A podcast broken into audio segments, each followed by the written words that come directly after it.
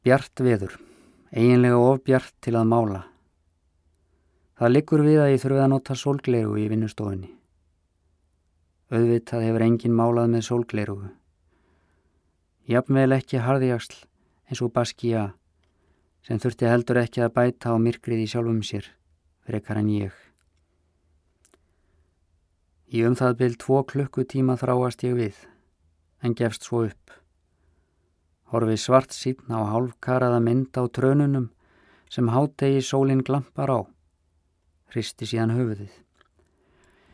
Ég fer yfir í hitt hjólísið og dref fram gamlu flugustöngina mína. Hún er í svarta taupókanum og hefur ekki verið snert lengi. Á undan þessari stöng átti ég aðra flugustöng. Hún hétt Arctic og var mjög skemmtilegur gripur. Ég var bara unglingur þegar ég kefti þá stöng og átti hana í nokkur ár, lærði að kasta sæmilega með hjálp bóka og veiti ótal sílunga á hana. Mér fannst strax meira spennandi að veiða með flugu og lagði kaststöngina alveg til hlýðar. En einu sinni fann ég ekki stöngina þegar ég ætlaði að fara að veiða á góðveriskvöldi um hásumar. Það var sama hvernig ég leitaði. Ég spurði fóreldra mína en þau sögðust ekkert vita um hana. Ég fann hana aldrei og kefti mér aðra stöng, þessa sem ég er með núna. Mörgum árum setna sagði pappi mér hvernig ég öllu lág. Klósettið hafði stíplast og hann hafði ekkert handbært til að reka niður í leisluna. Þá dætt honum stöngin í hug.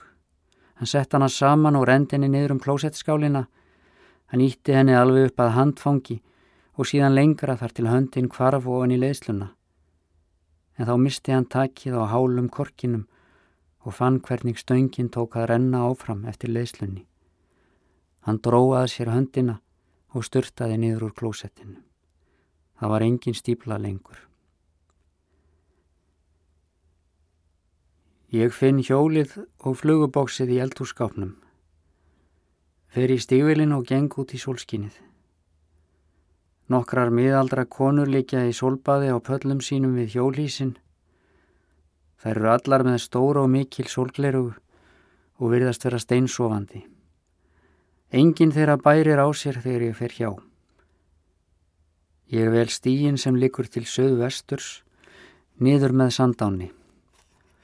Þetta er fáfarin leið innan um fremur lágvaksinn byrkitrið Þarna geti lúni danski brandarinn gilt enþá.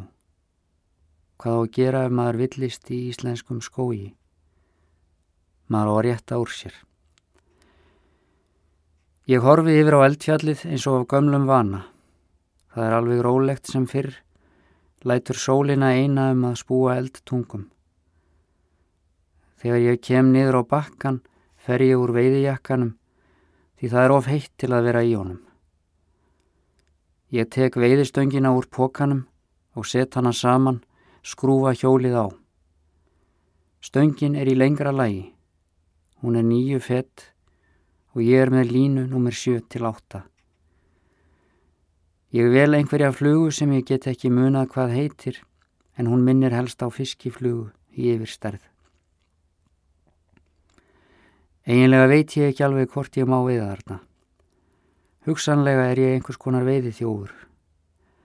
Ég held samt að þarna séu ekki seld neyn veiðileifi og allir megi renna í lignan ströyminn. Kanski er ekki einu sinni skittin branda í áni. Það glitrar á vatsborðið í hilnum. Þetta er fallegur hilur með klöppum og gróðri í kring. Burnirót vex í klapparveggjunum. Ég kasta nokkrum sinnum, líkt ó til að rifja upp gamla takta. Það gleymist ekki að kasta flugu, frekar en mála með vatslítum. Vot línan sindrar í hátegispyrtunni, ég kasta hvað eftir annað. Þetta er mun skemmtilegra en að mála, að minnstakosti þegar veðrið er svona. Engin fiskur tekur. Ég set upp solglerugun sem ég vildi ekki nota til að mála með áðan og rýni með þeim ofan í hilin. Ég sé ekkert Enga dular fulla skugga sem skjótast um ljósan sandbótnin sem er í rauninni vikur úr fornum eldgósum. Mögulega er eitthvað við þennan vikur sand sem veldur því að fiskur leitar ekki upp í ána. Allavega virðist hún alveg steindauð. Ég þrauka samt þarna í rúman hálf tíma en ákveð þá að fara lengra niður eftir og reyna þar. Ég þræði með fram klöppunum og held á stönginni, hef bundið jakkanum mittið. Það er að verða mjög heitt. Líklega verður þetta með hlýjustu dögum sumarsins.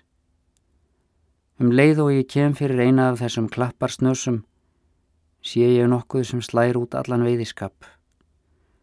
Í djúpum hilnum framundan er hún að synda, dökkarða konan sem ég hef verið að sjá undanfarið.